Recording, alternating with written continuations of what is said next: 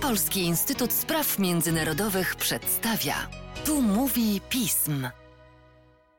Tu mówi pism. Przy mikrofonie Mateusz Józwiak, a wraz ze mną Łukasz Maślanka, analityk oraz ekspert Polskiego Instytutu Spraw Międzynarodowych do spraw Francji. Cześć Łukaszu, dzień dobry Państwu. Cześć. Szanowni Państwo, myślę, że pora na pewne podsumowania związane z kwestią, która wraca do nas od ostatnich tygodni, mianowicie sprawy protestów we Francji.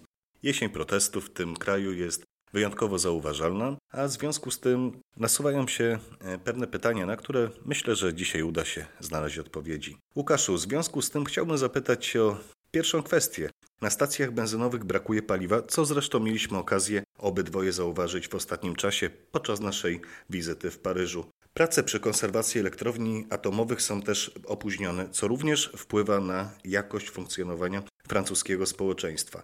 Co spowodowało te fale niezadowolenia? W całej Europie mamy do czynienia z kryzysem spowodowanym wysokimi cenami surowców. Wysokie ceny surowców energetycznych powodują wzrost cen żywności, a tym samym spadek siły nabywczej obywateli. Trzeba y, wspomnieć, że we Francji ten proces jest łagodzony krokami podjętymi przez rząd już pod koniec zeszłego roku, kiedy ten proces y, wzrostu cen surowców się rozpoczął. Dzięki temu, że rząd już wtedy, jesienią 2021 roku, zablokował ceny gazu i elektryczności dla odbiorców indywidualnych i małych firm, inflacja we Francji rosła znacznie wolniej niż w innych e, państwach strefy euro i Europy. O ile my już borykamy się z inflacją, która niedługo będzie sięgała 20%, o tyle we Francji e, sięgał na 6,5%. E, infla ten wzrost inflacji we Francji jest łagodniejszy także dlatego, że już wcześniej ceny we Francji należały do bardzo wysokich, także ten problem wysokich cen życia, wysokich cen najmu też nieruchomości jest czymś, co, z czym Francuzi borykają się od bardzo dawna i co jest przyczyną protestów społecznych. Więc jeżeli spojrzeć rzeczywiście na to, co się działo we Francji w ciągu ostatnich dni i tygodni, czyli ogromne kolejki przed, przed stacjami benzynowymi, niepewność co do tego, czy będzie zaopatrzenie w benzynę, no to postronny obserwator łączył to albo z problemami związanymi z, z konfliktem także energetycznym z Rosją, albo właśnie z jakąś falą buntu społecznego. Tymczasem to, to z czym mieliśmy do czynienia, to była sterowana odgórnie akcja protestu zainicjowana przez e, związki zawodowe, a dokładnie przez e, jeden z największych związków zawodowych, e, skrajnie lewicowy CGT, czyli taką Generalną Ogólną Konfederację Pracy, która pozostaje w permanentnym konflikcie z rządem Francji o kwestie po pierwsze zarobków swoich członków, i no, w ogóle też jakości życia osób sfederowanych w tych związkach zawodowych. Kiedy mówimy o protestach, dobrze wiemy, że część społeczeństwa odczuwa to dość negatywnie, jednak warto zastanowić się, kogo najbardziej wzmacniają te protesty. No i e, chciałbym Cię zapytać również o to, jaka jest obecnie rola związków zawodowych Otóż właśnie CGT, y, zwłaszcza CGT, y, wykorzystuje obecną sytuację po to, żeby jakby zaakcentować swoje istnienie, ponieważ ostatnie lata były latami względnego osłabienia związków zawodowych we Francji. To wynika z tych samych procesów, które dotyczą wszystkich gospodarek europejskich, to znaczy mamy do czynienia z coraz większą rolą osób, które są zatrudnione w inny sposób niż klasyczna umowa o pracę i jakby te osoby mm, no, nie kwalifikują się do tego, żeby być członkami członkami związków zawodowych albo po prostu niechętnie przystępują do związków zawodowych. Także CGT stało się w tej chwili potentatem takich kilku branż, ale branż zupełnie kluczowych z punktu widzenia no, możliwości funkcjonowania państwa. Właśnie branża energetyczna, transportowa, koleje.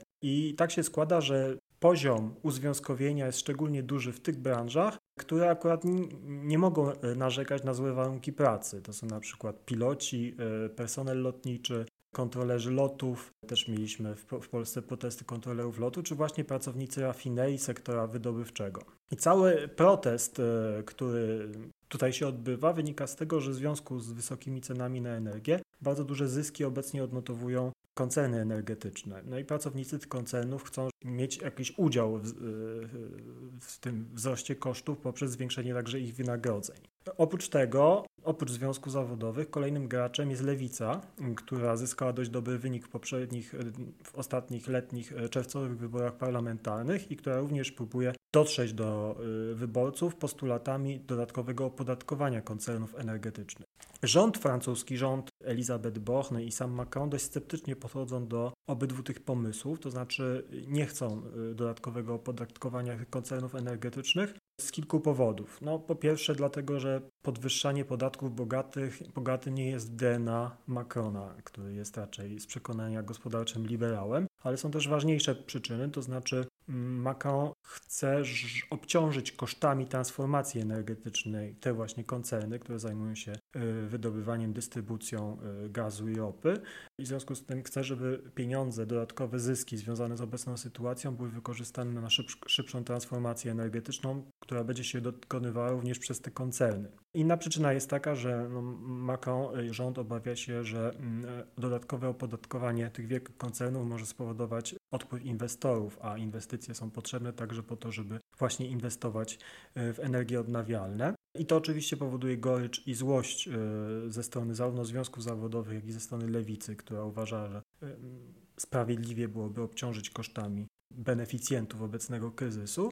Natomiast jeżeli chodzi o stosunek opinii publicznej, to on jest podzielony. To znaczy, dopóki, zanim jeszcze nie doszło do obecnej fali strajków, to opinia publiczna raczej przychylnie patrzyła na ideę zarówno opodatkowania koncernów energetycznych, jak i postulatów socjalnych i pracowników. Natomiast te blokady, które nastąpiły, to znaczy przede wszystkim blokady w rafineriach, które spowodowały, że na wielu stacjach benzynowych we Francji, na jednej trzeciej stacji benzynowej we Francji zabrakło paliwa, no jakby spowodowały, że sympatia trochę się od tych postulatów odwróciła, więc nie mamy do czynienia z czymś, co było kilka lat temu, kiedy proces, protest żółtych kamizelek był rzeczywiście ruchem oddolnym, obejmującym łącznie miliony osób w całej Francji. Tutaj mamy do czynienia ze zorganizowaną akcją dziesiątek tysięcy, ale ludzi uzwiązkowionych, będących członkami związków zawodowych, prowadzących świadomą politykę walki z polityką socjalną rządu. No cóż, odnosząc się do samego rządu, postanowił on przyjąć budżet bez głosowania w parlamencie. Dlatego chciałbym Cię zapytać, jak to jest w ogóle możliwe i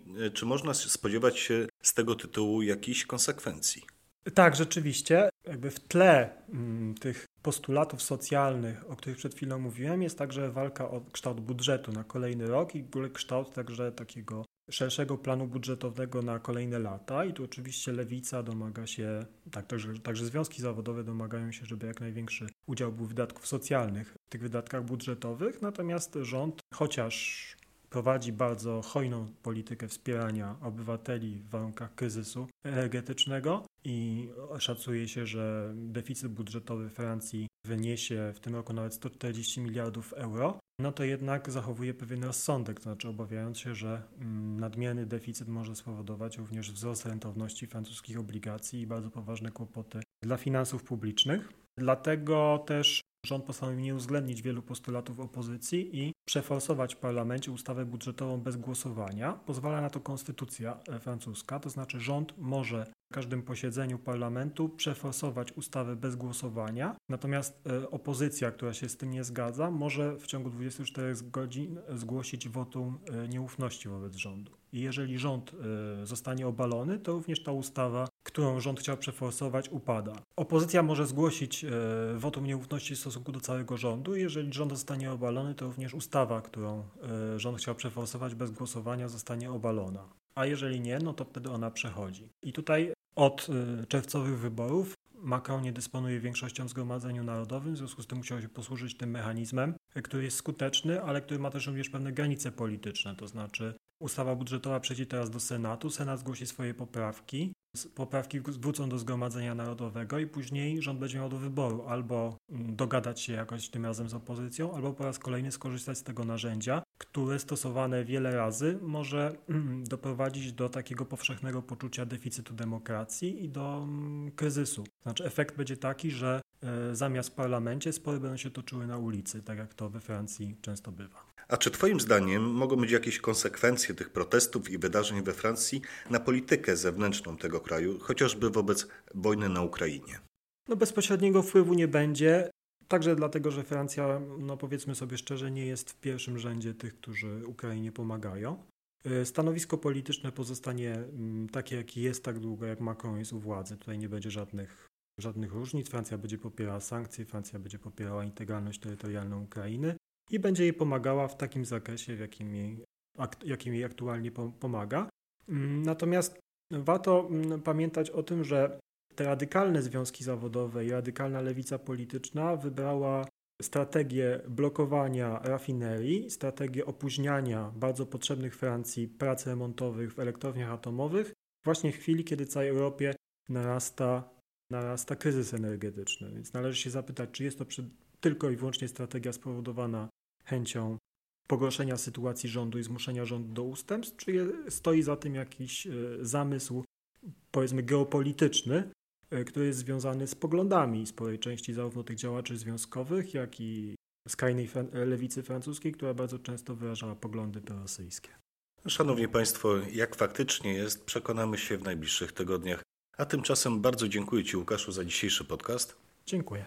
Państwa zaś zachęcam do śledzenia naszej strony internetowej, czytania najnowszych biuletynów i komentarzy, śledzenia mediów społecznościowych, także naszego kanału na YouTube. A z mojej strony to wszystko. Dziękuję Państwu za uwagę i do usłyszenia.